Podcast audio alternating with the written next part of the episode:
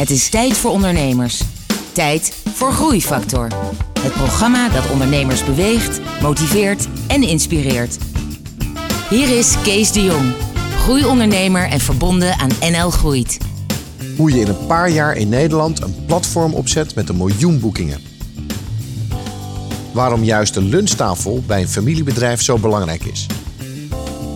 En hoe werkt het als je als 26-jarig meisje de leiding krijgt over een bedrijf van 25 man?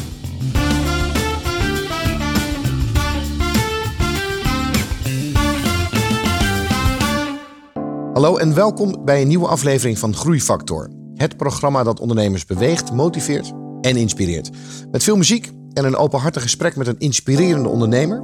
En vandaag is Lidwien Heersink mijn gast. Lidwien, welkom. Dank je. Uh, Lidwien, jij bent van, van Da Vinci salonautomatisering. Wat dan bij het grote publiek bekend is uh, van Barber Booking. Ja. Barberbooking.nl. Daar gaan we alles over horen straks. Inclusief je hoogtepunten, je dieptepunten en alles wat je hebt meegemaakt. Uh, maar dat allemaal zo direct. Eerst muziek van Soul to Soul. Groeifactor beweegt ondernemers.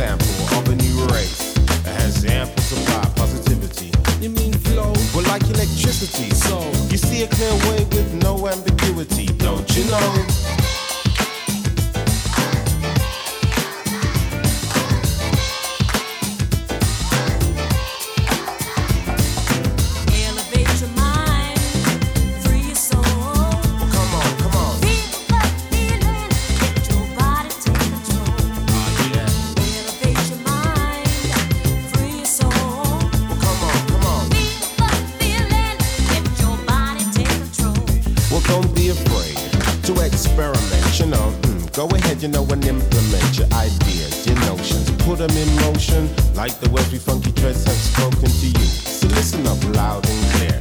This is a word you must be aware of. What you gonna do, put it in your life too. Now that's the meaning of the line.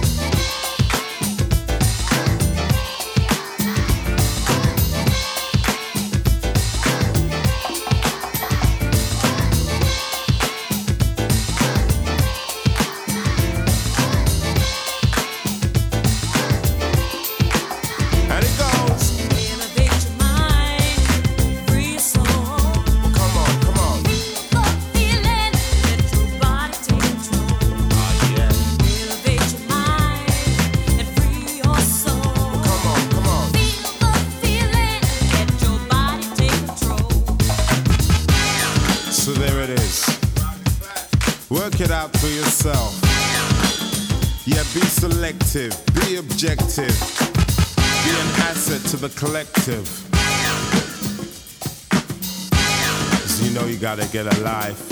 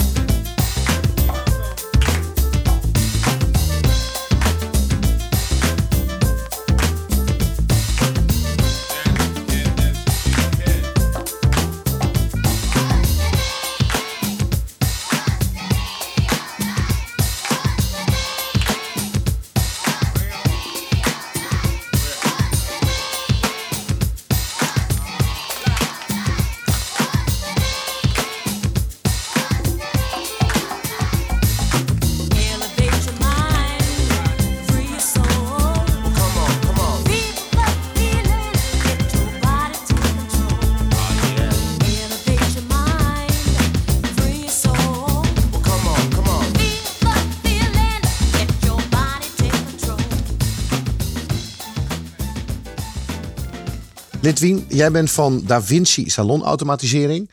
Maar daar hebben mensen nog nooit van gehoord. Nee. Waar ze wel van hebben gehoord, dat is jullie belangrijkste platform. Dat is barberbooking.nl. Ja, klopt. En dat is de booking site voor Als je een afspraak wil maken voor bij een Klopt. kapper. Ja, als jij zegt ik ben op zoek naar een kapper, dan ga je gewoon naar barbooking.com.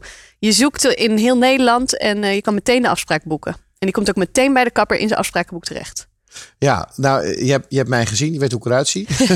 Ja, Dus het is voor mij een hele tijd geleden dat ik een afspraak bij een kapper heb kan ik me voorstellen, ja. Ehm, maar toevallig heb ik het wel even uitgeprobeerd op jouw Ah, eh, eh, platform. En het werkte echt super. Nou, fijn. Eh, ik zit er niet om reclame te maken, maar wat je zegt inderdaad, je komt gelijk. En je kan zelfs nog de kapster kiezen Ja, bij wie je wil zitten in, Ja, ja, in, in de stoel. Ja, want ik denk dat het kappersvak is toch een heel eh, persoonlijk iets. Hè? Er staat echt iemand achter je die aan je haren zit. Ja. En iedere kapster doet het ook weer anders. Dus ik vind het heel belangrijk dat je die persoon kan kiezen die, eh, eh, ja, door wie je ook wil worden geholpen, zeg maar. Ja. Ja, is het dan niet een beetje raar dat, dat als je al een vaste kapster hebt, dat je nog steeds via jouw platform boekt? Is dat dan. Er zijn twee opties. De kapper kan zeggen, eigenlijk op barbebooking.com moet je echt zien als een stukje marketing. Als je echt, ik ben op zoek naar een nieuwe kapper, dan ga je daarheen. Ehm, als de kapper kan tegen zijn eigen klanten zeggen, ga gewoon lekker naar mijn website of mijn Facebook. En daar kunnen ze ook meteen een afspraak maken. Ja. Dus daar helpen we ook mee. Ja. Eh, want uiteindelijk gaat het er ook om dat eigenlijk die belletjes eh, minder moeten worden voor de kapper. Ja. Ehm, en dat je gewoon gewoon 24 uur per dag. Ja. Ja. precies. Nou, dat niet eens. Hij moet gewoon aandacht hebben voor jou als je in de stoel zit. Ja. Hey, en mensen denken, ja, platform, dat klinkt allemaal leuk, maar het is wel een serieus dingetje. Want je hebt Ja. 25 man eh, in dienst. En, en hoeveel mensen komen er jaarlijks via jouw platform? eh, Hoeveel afspraken worden er gemaakt? Ehm, inmiddels zitten we op meer dan 750.000 online afspraken per jaar. Ja, 750.000 afspraken ja. gaan via jou. Ja, we gaan voor het miljoen eerst nu. Ja, Maar dat is dus wel een, serie, een, een serieus, ja dat klopt. succesvol ja, platform. ja, ja, dat gaat supergoed. Ik denk dat we het nu in eh, juni 2014 zijn we dat volgens mij gestart. Mhm. Ehm, en inmiddels eh, moet ik zeggen dat het eigenlijk iedere jaar wel ja, gewoon steeds een beetje beter gaat. Er komen er meer andere- kappers bij. Zijn er andere platformen in, in, in, in Nederland die ook kappersafspraken maken? Hoe Ja. groot zijn die dan? Ja, die zijn er wel. ehm, maar die doen niet alleen kappersafspraken, ook andere afspraken. Ehm, en het verschil denk ik daarin is ook dat wij zeg maar ook die software maken voor de kapper zelf. Dus het afspraakboek van de kapper zelf zit erachter. Dat betekent dat als jij een afspraak maakt op Barberbooking, dan weet je ook zeker dat is wat de kapper tijd heeft. Ja. Het is niet meer, het is niet minder. En je kan geen belletje achteraf krijgen die, waarbij staat van joh, weet je, het kan toch niet. Je weet zeker het kan. En dat is denk ik het, het grootste voordeel ervan. En de kapper heeft gewoon niet extra werk. Ja. Ehm, ik denk dat bij veel booking sites, ook in andere branches, werkt het nog steeds wel eens zo dat er een mailtje wordt gestuurd. Of hè, het wordt in een andere agenda gezet dan waar die ondernemer echt mee werkt. Ja. Ja, en dan kunnen dubbele boekingen of dingen ook nog wel ont- ontstaan natuurlijk. Ja. Dus het is en aan dan- allebei de kanten goed. Mag ik vragen hoe oud je bent? Ik ben 30. 30. Oké, want, want jij, bent, jij bent niet begonnen als, eh, Nee. als eh, eh, zeg maar directeur van, van dit bedrijf. Jij bent begonnen als grafisch ontwerper. Oh ja, ja, klopt ja.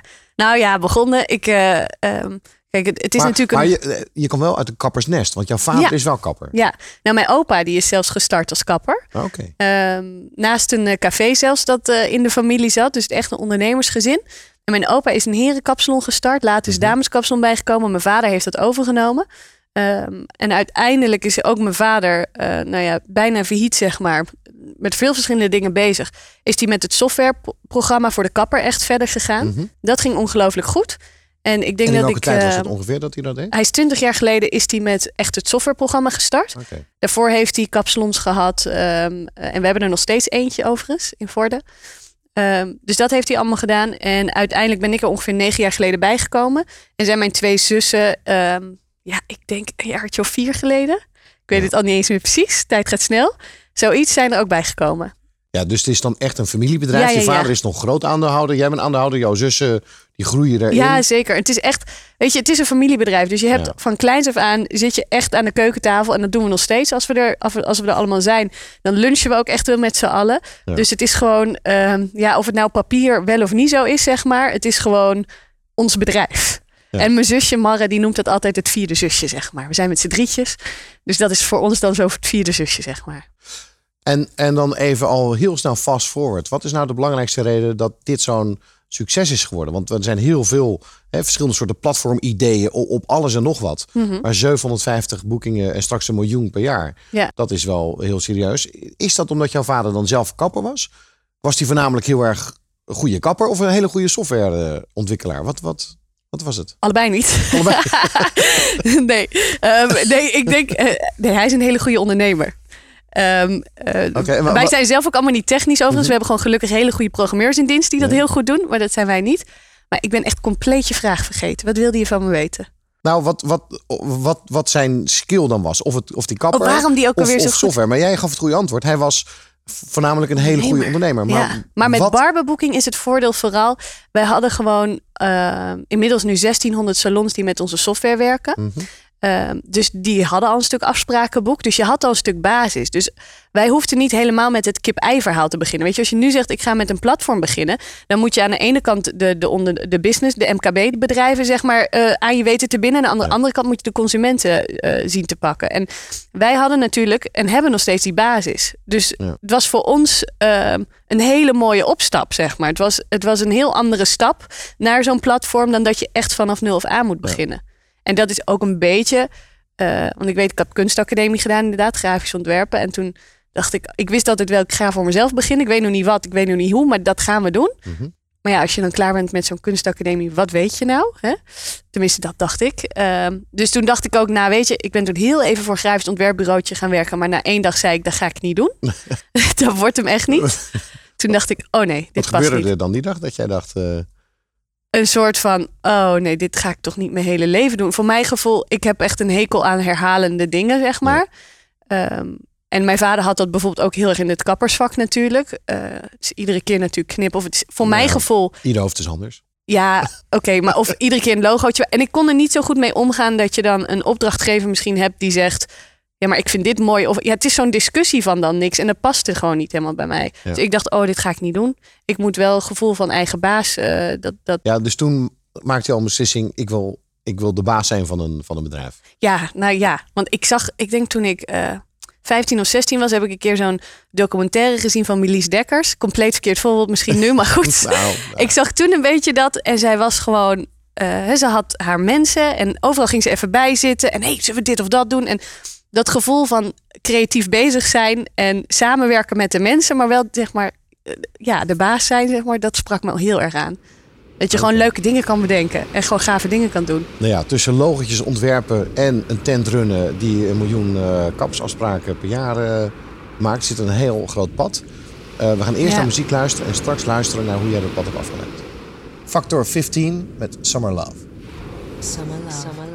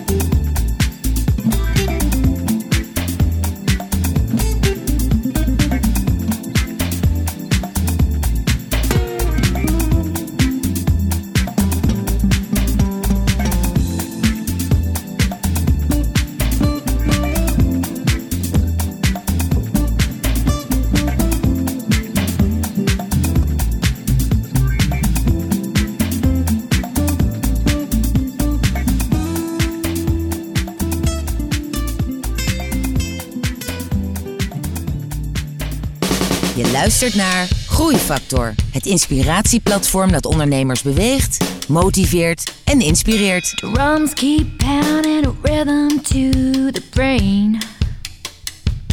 La da da da dee. La da da da da.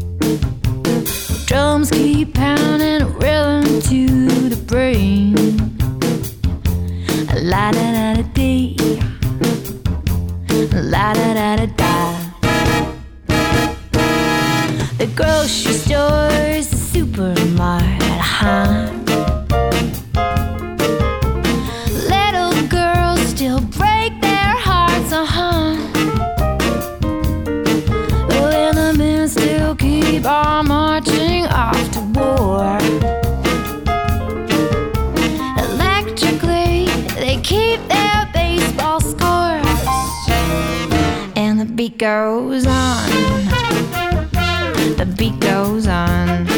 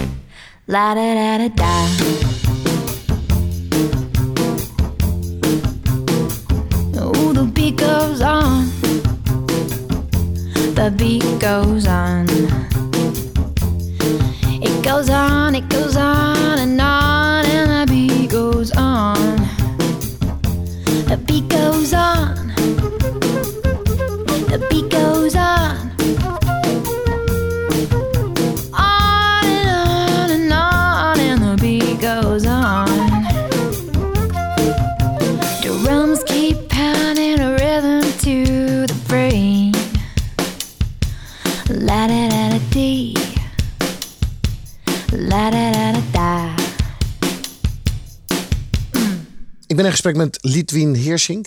Dat zeg ik goed, hè? Ja, helemaal van, goed. ehm, van Da Vinci salonautomatisering, maar natuurlijk bekend van eh barberbooking.nl. Litwin, jij gaf net aan dat jouw vader vooral een hele goede ondernemer was. Hij Ja. was niet zozeer een hele goede kapper of een hele goede programmeerder, maar was een hele goede ondernemer. Ja. Wat zie jij als, als het belangrijkste wanneer je een hele goede ondernemer bent? Wat deed hij goed? Eén Ehm, heel belangrijk ding wat we nu ook weer hebben gemerkt is gewoon doen. Gewoon gaan met die banaan. Ehm, want ik, ik denk, volgens mij kan iedereen wel een heel geweldig idee hebben of wat moois bedenken. Maar uiteindelijk is het net dat stukje doorzettingsvermogen of je het wel of niet redt, denk ik. En mijn vader die heeft gewoon eh, weken gemaakt van 100 uur. Gewoon gaan. Weet je, gewoon doen. En ik, we hebben net afgelopen jaren zelf ook een keer een beetje zo'n zo'n start-up-achtig gevoel weer gehad. Omdat wij eh, ook wat problemen hadden veroorzaakt, zou ik maar zeggen. Ook een hele goede leerschool geweest. En dan merk je ook gewoon, eh, ja, het is gewoon doen. Gewoon niet je veel, te veel Ja. laten afleiden door heel veel dingen. Het is gewoon één ding maak je. En, en dat is gewoon verkopen met die hap. Moeilijker Ja. is het niet, volgens mij. En- En, en dat is- is... een les die ik zelf ook weer heel erg heb meegemaakt afgelopen Dus tijd. daarmee is jouw vader wel een, een voorbeeld voor jou geweest. En nog steeds. Ja, hij gaat nu, eh, als hij dit hoort, dan lacht hij helemaal dubbel. Maar eh, ja. ja. ja. Nou, terug naar jouw grafische eh, uitstapje. Hè? De kunstacademie, eh, grafisch. Je hebt, je hebt eh, één dag logo's gemaakt. Toen dacht je, dit is niet voor mij. Nee. Wat deed je toen? Ehm, ja, toen, toen heb ik wel afgesproken, ik maak de zomer gewoon af, want het was na mijn studie. En toen ben ik toch voor mijn vader gaan werken. Zo hè, was dat toen. Ehm, en toen dacht ik, nou ja, weet je, dan ga ik eerst wel eens doen. En dan ga ik even nadenken wat ik dan wil of weet ik veel wat. Maar ik kwam in dat bedrijf en mijn vader en ik lijken ook nog best wel op elkaar. En het paste eigenlijk heel goed bij mij. En dan begint het eerst een beetje dat je er bent, oh ja, oké, zo gaan dingen. En dan vraag je af, waarom gaat dat zo? En dan, nou ja, ga je steeds meer dingen zien wat anders zou kunnen of hoe je het op kan pakken. En ja, je hebt het toch van kleins af aan meegekregen. Dus je hebt daar gewoon een heel eh, warm gevoel en goed gevoel al überhaupt over dat bedrijf. En het Ja. paste gewoon heel erg. En het was ook nooit zo dat mijn vader Jim dan heel erg ehm, eh, van Lidwien, zo moet je het doen of dit. Die, die liet mij, gaf mij ook wel alle vrijheid. En, en wat moest je doen dan in het begin?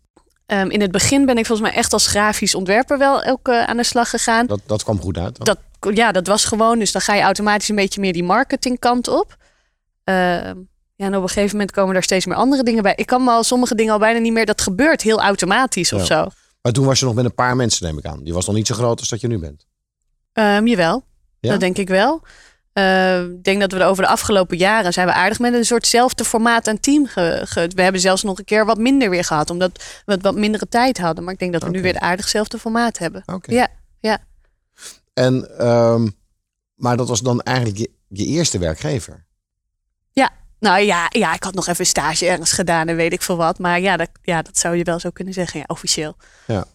En, en, en hoe voelde dat om, met je samen, om samen met je vader te werken? Hoe, hoe was dat?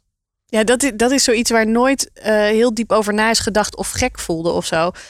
Dat is eh, heel erg natuurlijk is dat altijd gegaan. En dat is nu ook nog steeds met mijn twee zussen zo.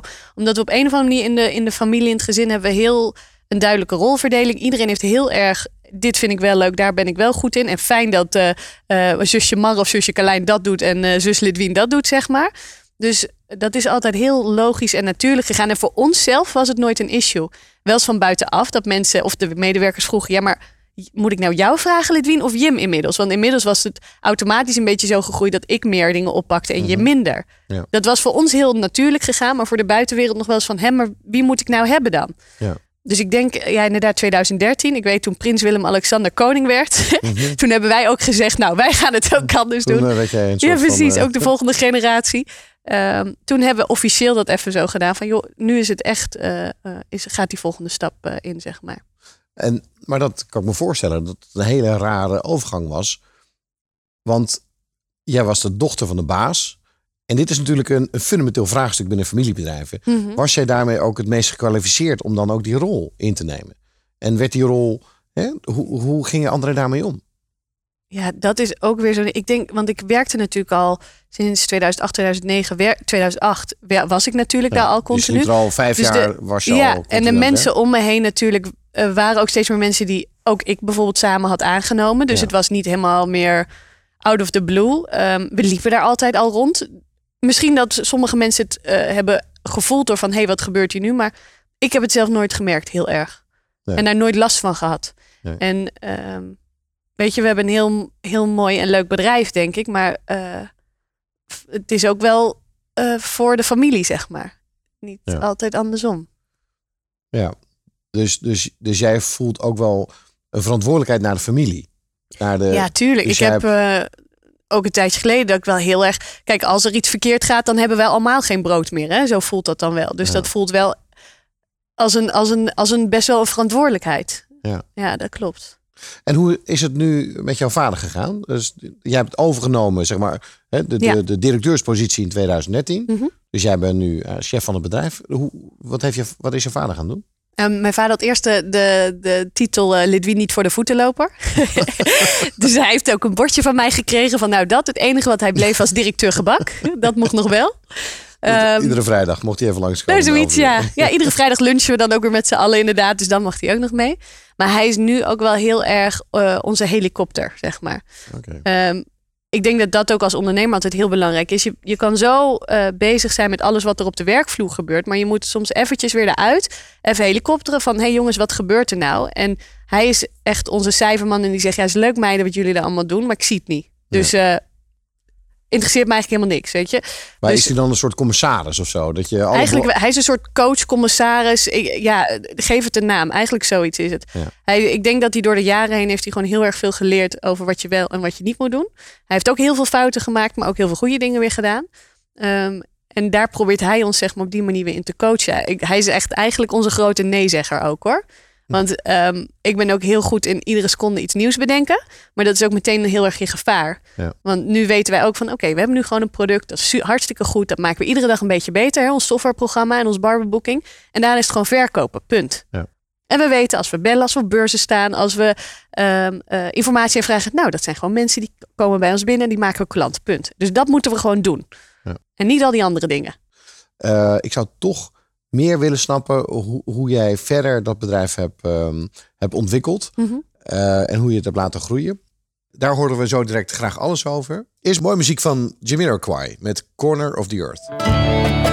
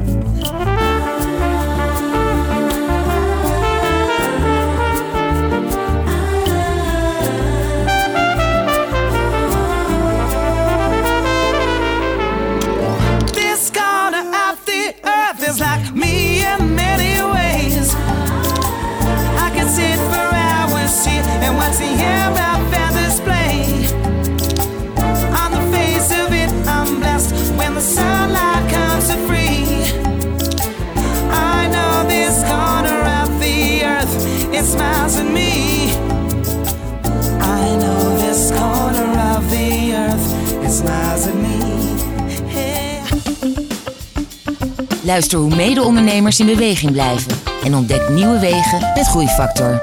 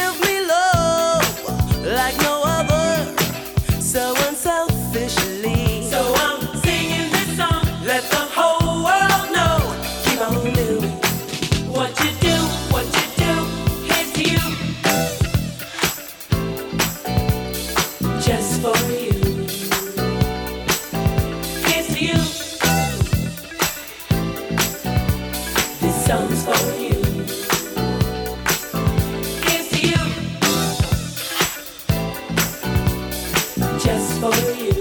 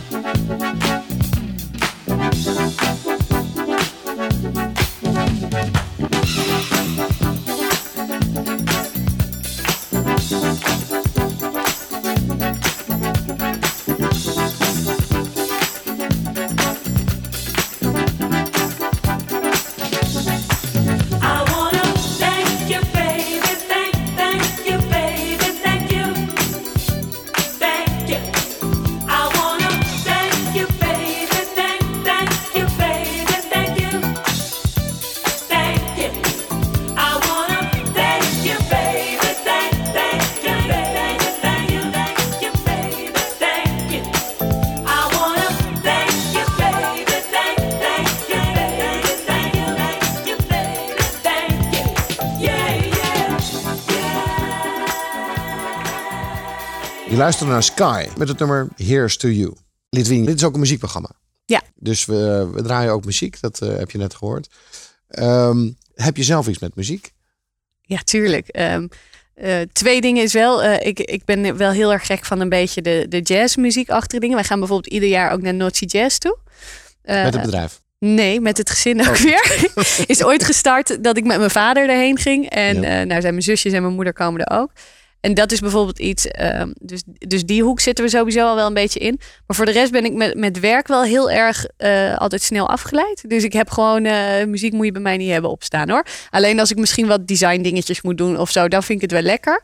Maar voor de rest eh, moet ik dat niet hebben. Want ik heb al genoeg. ehm, En ook niet in de auto als je... ja, je, ja, in de auto ook wel. Dat vind ik Ja. ook heerlijk. Ja, joh. Ja. En dan luister je vooral naar jazz? Ja. Wat, wat, wat niet gangbaar is voor een, een meisje van net 30, als ik dat mag zeggen. Of Ja, nou Of ja, wel? ja.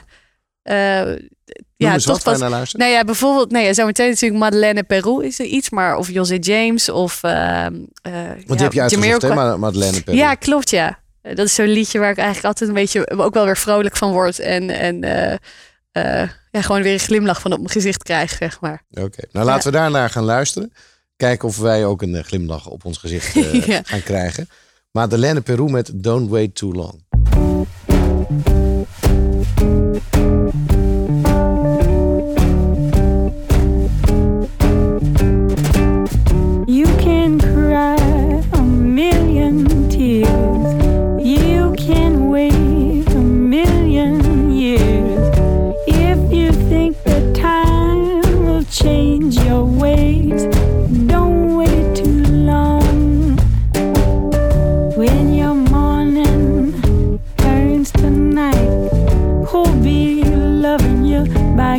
wonderland.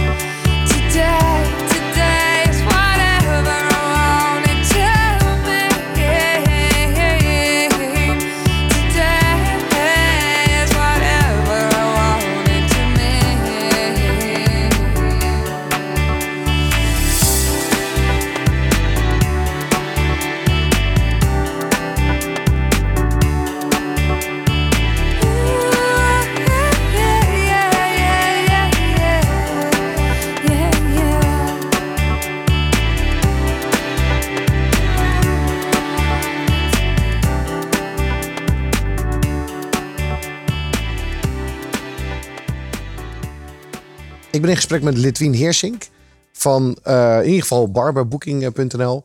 Eh, jij hebt het, eh, het aantal boekingen laten groeien. nou, ja, laten we zeggen van nul naar uiteindelijk misschien wel een miljoen dit jaar of, Ja. of volgend jaar.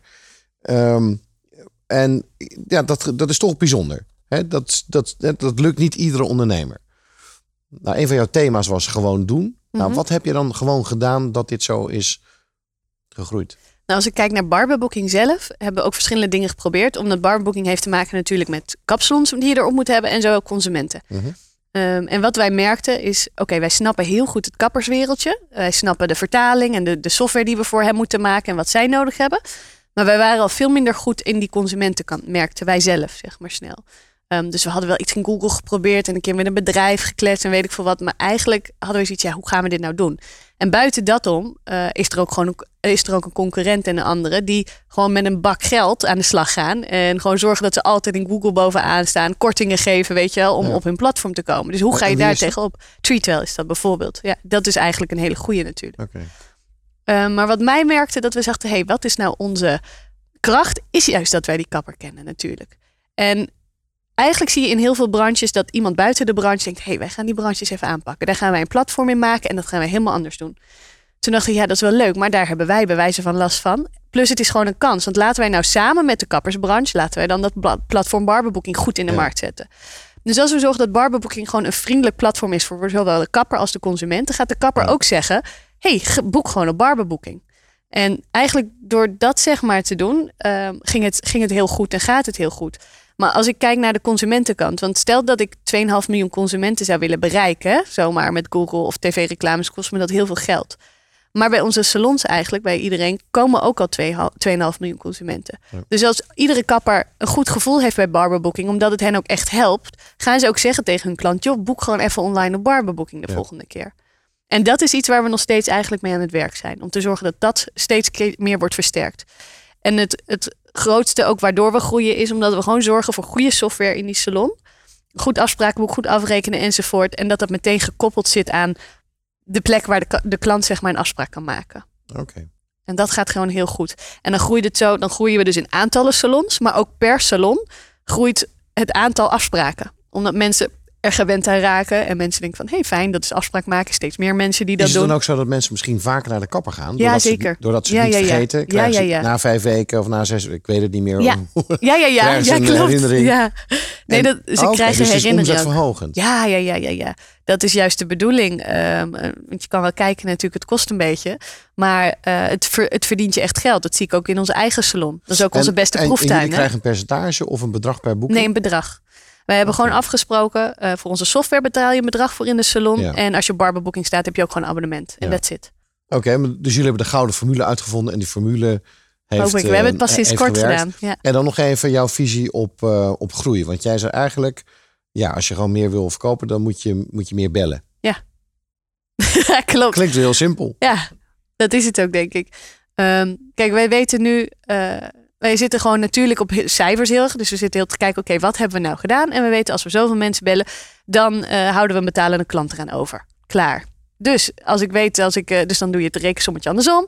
Oké, ik wil eh, zoveel nieuwe klanten hebben. Ik wil 40 nieuwe klanten hebben per maand. Nou, dan moet ik er zoveel bellen, bij wijze van. Simpel zat. Dus dat is dan gewoon wat we doen. En dan zitten wij te kijken in de hele organisatie. Oké, wat weerhoudt ons nu van bellen naar nieuwe klanten, naar prospect? Ja. Wat weerhoudt ons? En dan blijkt het misschien dat ehm, eh, op de helpdesk we veel te veel vragen krijgen over een bepaald onderwerp. Nou, dan moeten we dat op gaan lossen. Want dan hoeven we, die, dat, hè, hoeven we dat uurtje niet meer op de helpdesk eh, die persoon te hebben. Maar dan kan die persoon uit gaan bellen. En ik denk overigens één, één eh, belangrijk ding daarbij is nog wel... is dat wij ook allemaal wel ex-kappers in dienst hebben. Dus die doen ook de sales, die doen de helpdesk, die doen eigenlijk Ze alles. spreken de taal van de klant. Ja, en dat is echt wel... Ah. Dat maakt continu het verschil eigenlijk. En dat is echt, dat is echt het hart van Da Vinci, die mensen hoor. Openhartige gesprekken met inspirerende ondernemers. Je luistert naar Groeifactor.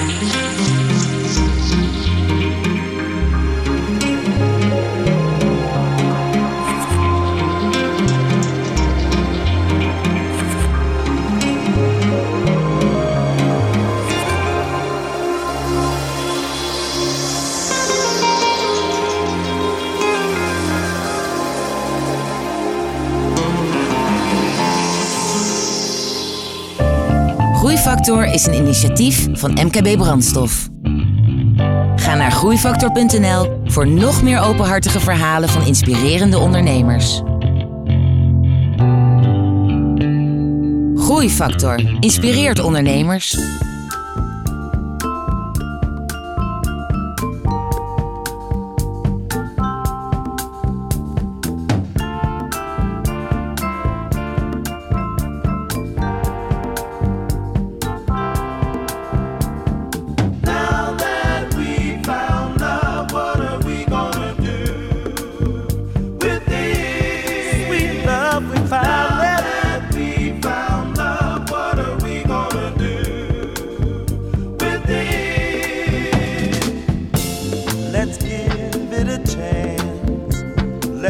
control our destiny. We owe it to ourselves to live happy eternally.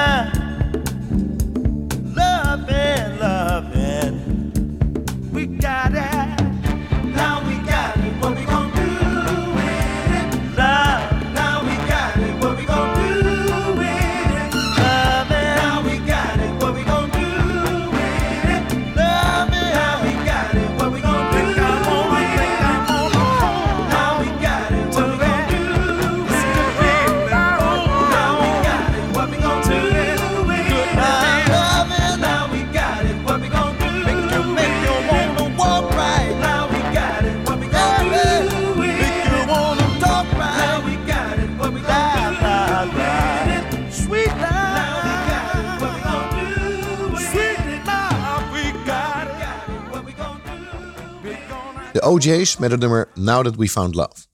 Ik ben in gesprek met Litwin Hiersink van Barber Booking. Litwin, je zei eerder ook van ja, het is niet altijd makkelijk geweest. Nee. Hoe, hoe... Ik denk, eh, kijk, mijn vader heeft best wel een, een crisis iets gehad, want hij heeft een heel succesvolle salon overgekregen van zijn vader. Liep mhm. ongelooflijk goed. Paste niet bij hem, dus is hij ook op zoek gegaan hoe kan ik het anders. Doen bijna failliet, eh, eh, van alles gebeurt. Dus op een gegeven moment was er alleen nog maar een optie van naar voren. Ehm, en ik denk dat we nu, hebben een paar jaar geleden, zagen wij ook van oké, we moeten die stap maken van een desktop-programma, Windows-programma naar een online programma. Zijn we al vele jaren geleden mee begonnen, maar het is niet goed gegaan. En dat heeft ook denk ik een beetje te maken met, ehm, ik weet niet of luiheid helemaal het goede woord is, maar wij zijn zelf geen technische mensen. De commerciële marketingkant vinden we leuk. Dus dan ga je daar heel erg mee bezighouden. Ja. En leuke dingen doen. Want hey, het loopt, loopt goed. Klanten komen binnen. Ach ja, dat programma dat wordt wel ontwikkeld. Dat komt wel. Maar dat kwam niet. Dus uiteindelijk was het zo dat we eigenlijk gewoon te laat waren.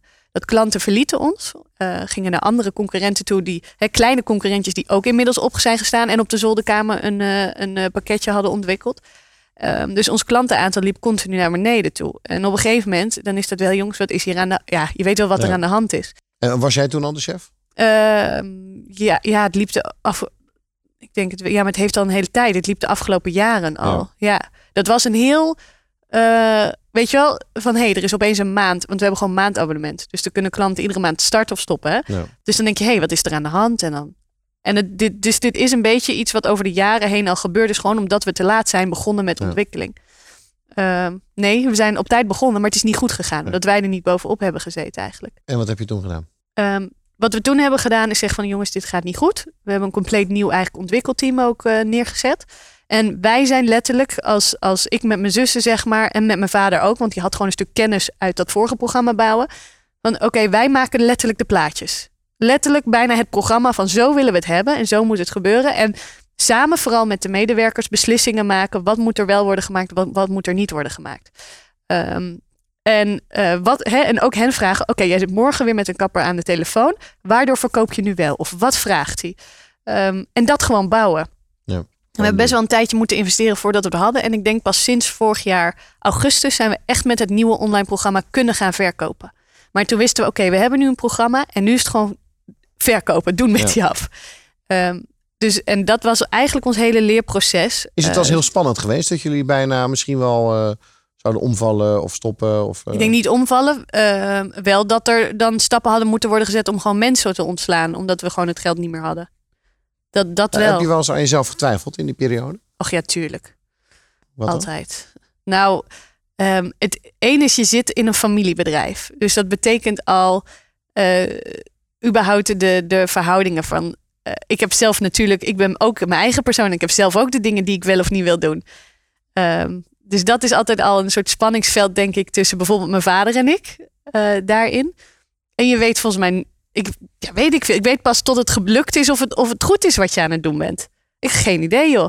En dat is, dat is denk ik ook afgelopen jaar weer. Dat je denkt, ja, of we het goed doen, ik weet het niet, weet je. Maar pas als je ziet, hey, we hebben nu een product wat gewoon werkt. En ik zie gewoon die klantenaantallen omhoog lopen. Dan pas weet ik, hé, hey, nou, nou lukt het. Ja. Nou, nou werkt daar wat, zeg maar. Ja. Dus ik eh, denk dat iedere dag, het is geen, geen ehm 1 plus 1 is 2 of zo.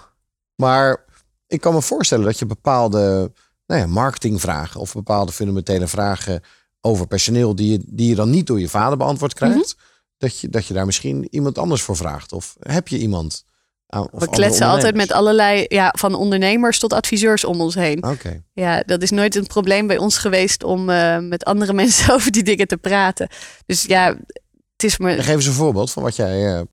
Ehm, even denken hoor. Eh, we hebben ook een tijdje een adviseur gehad die ons hielp aan de, aan de commerciële kant wel om de helpdesk wat strakker te krijgen. Dat is ook niet altijd even goed. Maar omdat je, ja, je weet niet alles, toch? Ehm, eh, dus die had ook gewoon hele. ti- Oh, en nu zijn we bijvoorbeeld weer met iemand ook met salesgebied ook weer bezig. Omdat we weten, oké, als we bellen, als we dit, dan doen we het goed. Maar hoe worden we daar nog een beetje beter van? Ja. Hij is daar gewoon een expert in. Dus dat is nu net weer iemand, heb ik gisteren een gesprek mee gehad. Een hele fijne gozer. En ik denk, hé, hey, die gaat ons weer helpen om weer dat stukje Ja. beter te worden. Ja. Ehm, dus je blijft Ik denk jezelf dat dat heel wel op die manier ontwikkelen, maar dan voornamelijk met adviseurs. Ja, maar ook door dingen toch te lezen. Door, door met Wat- andere wat ondernemers te spreken. Ik, ik, van Business Insider, wat 's ochtends voorbij komt, tot Sprout Nieuwsbrief. eh, ja, alles wat voorbij komt op die iPhone, eh, dat, dat is te lezen, toch? En, en lees je ook wel eens managementboeken en dat soort eh, zaken? laten we zeggen, ik scan. De achterkant. Ik, ik, ik scan. En, en ik ben beter in wat artikelen een keertje lezen. En, en dat ik denk, hey, dat pik ik eruit. Of een artikel over dat boek. En als ik dat interessant vind, dan vind ik het leuk. Ik heb nu net een boek besteld. ehm, ehm, hoe heet het nou ook weer? Oh ja, hallo, mag ik meneer Kirsten spreken? En dat is ook van een, een meid die op haar 23ste het familiebedrijf overnam. Denk ik Ja. van, nou, hey, die wil ik wel eens gaan lezen. Dat vind ik dan wel zo'n ding, daar wil ik wel meer van weten hoe zij dingen heeft opgepakt. Eh, maar voor de rest ben ik vooral... ehm, ja, eh, die iPhone die zit altijd bij je. hè? Dus eh, Maar no- nog even naar die mag ik meneer Kersten spreken. Dat is inderdaad, want ik, ik heb daar iets over gelezen of over eh, gehoord. eh, dat het inderdaad zo dogmatisch wordt gezien. Als jij de deur open doet, dan denken ze automatisch... jij bent de assistente en niet de directeur. ja. Ja. Heb jij daar ook ervaringen mee? Ja, maar ik, ik denk eh, een paar jaar geleden dat me dat echt nog wel eh, irriteerde of zo. Of irriteerde, dat ik dat echt wel vervelend vond. En nu denk ik, nou ja, want ik, als ik ergens binnenkom of ook bij ondernemers, eh, eh, netwerkbijeenkomsten, dan denken ze, oh leuk, dan heb je weer zo'n meisje. Maar als, meestal als ik mijn mond open doe en vertel wat we doen, dan kijken ze even nog een keer van, oh, oh jullie doen wel echt, eh, jullie Ja. hebben wel echt een serieuze business. Nee, maar je hebt een hele serieuze business. geen, eh, Als je een miljoen boekingen eh, per jaar doet... en dat kan natuurlijk nog veel meer groeien. Ja, ja, ja, dat is ja, ja, een, ja, ja. wordt 33 miljoen afspraken per jaar gemaakt of zo bij kappers. Hè? Ja. Dus er wordt nog veel te veel gebeld hoor. Dus ja, het- daar is nog flinke kans. Ja. Nou, daar gaan we het straks nog even met je over hebben. Eerst muziek van Chemise met She Can't Love You.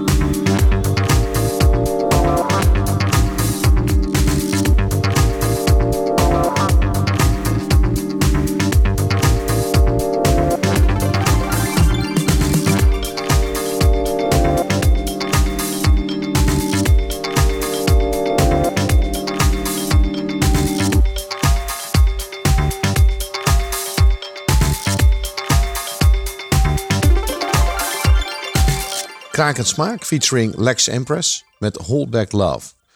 Ik ben in gesprek met Lidwien Heersink van eh barberbooking.nl. Je gaf net aan, er zijn 33 miljoen boekingen en jullie doen nog maar een miljoen. Ja. Dus je hebt een grote ambitie. Ja. Maar is jouw ambitie wel, wel, wel groot genoeg? Want als ik het zo hoor, dan, hè, dan, dan, dan vind je life-work balance ook wel hè, Mhm. ook belangrijk. En Ja, maar je moet één ding bedenken. Er is nog wel een verschil. Ik ben nu 30 hè, en ik heb een zoontje nu net van anderhalf. Ehm, er is nog wel een verschil van wat ik nu wil en als ik 40 ben, bij wijze van. Mhm. Ehm, dus eh, eh, weet je, het leven duurt nog best wel eventjes, hè? Dus ik kan nog heel veel doen en bereiken. Dus ik ben nog niet klaar. Nee, klopt. Maar ik, ik mis een beetje een soort van sense of urgency. Een soort van, weet je, nou, we hebben tijd genoeg en dit is ook belangrijk. Misschien komt hij dan niet over bij jou. Want Nee, het, is echt wel, het is echt wel dat we de, eh, wat ik je zei, afgelopen tijd een, een lastige tijd hebben gehad met concurrentie. ehm, vooral op het softwaregebied natuurlijk. Want on- het brood, zeg maar, dat zijn de kappers natuurlijk die Mhm. Ons betalen. Ja, die liepen allemaal weg. Ehm, en inmiddels hebben we dat weer op een rit. Dus dat voelt maar. Ik heb Ja. echt een periode dat we, dat we nachten niet lekker sliepen. En echt gewoon continu een rotgevoel. En iedereen in het bedrijf had gewoon een rotgevoel. En dat hebben we sinds, ik denk pas ehm, sinds afgelopen maart, dat iedereen weer een lekker gevoel daarover heeft. Ja. Dus we hebben, weet je, ik ben ook heel erg van, oké, ik kan echt heel, als ik nu me eh, vervelend voel, nou dan zal je het ook weten ook en dan hoor je er ook alles over. Maar morgen kan ik het compleet vergeten zijn als het weer goed is. Dus, Dus het is nu ik ben goed, ook dus een beetje zo- gevoel een beetje... ja, ik ben ook van, joh, weet je, volgende stap. En dan ben ik die dingen ook weer iets meer kwijt, eerlijk gezegd. ja. En, en, en, en nu zit je weer in, zo'n, in, een positieve Het is flow. gewoon, het is gewoon ongelooflijk leuk nu weer. Ja. We hebben heel, er zijn nog steeds natuurlijk wel negatieve dingen, maar dat heb je bij ieder bedrijf. Maar dan is het ook even, je leert er ook steeds beter mee omgaan, denk ik. Ehm, en er zijn gelukkig heel veel positieve dingen. Hm. Het is heel leuk om een, een, weer een mooi programma te bouwen. En het is heel leuk om klanten daar weer blij mee te maken, zeg maar. En dat toen, gaat nu toen goed. jij begon eh, eh, als directeur, vier jaar eh, geleden, als ik het goed heb. Ehm, als je nou terugkijkt Mhm. naar die afgelopen vier jaar, Mhm. dat je zelf het bedrijf hebt mogen leiden. Mhm. welke adviezen zou je jezelf dan hebben gegeven? M- minder af laten leiden. Minder onrust, denk ik. Tegenovergestelde daarvan is meer focus natuurlijk. Dat denk ik vooral. En, en, en dat, dat doen gedeelte wat ik eigenlijk afgelopen half jaar, jaar heb geleerd. Dat had ik veel eerder moeten doen. Het gewoon doen. Ja, gewoon lullen, maar en niet doen. al die en niet.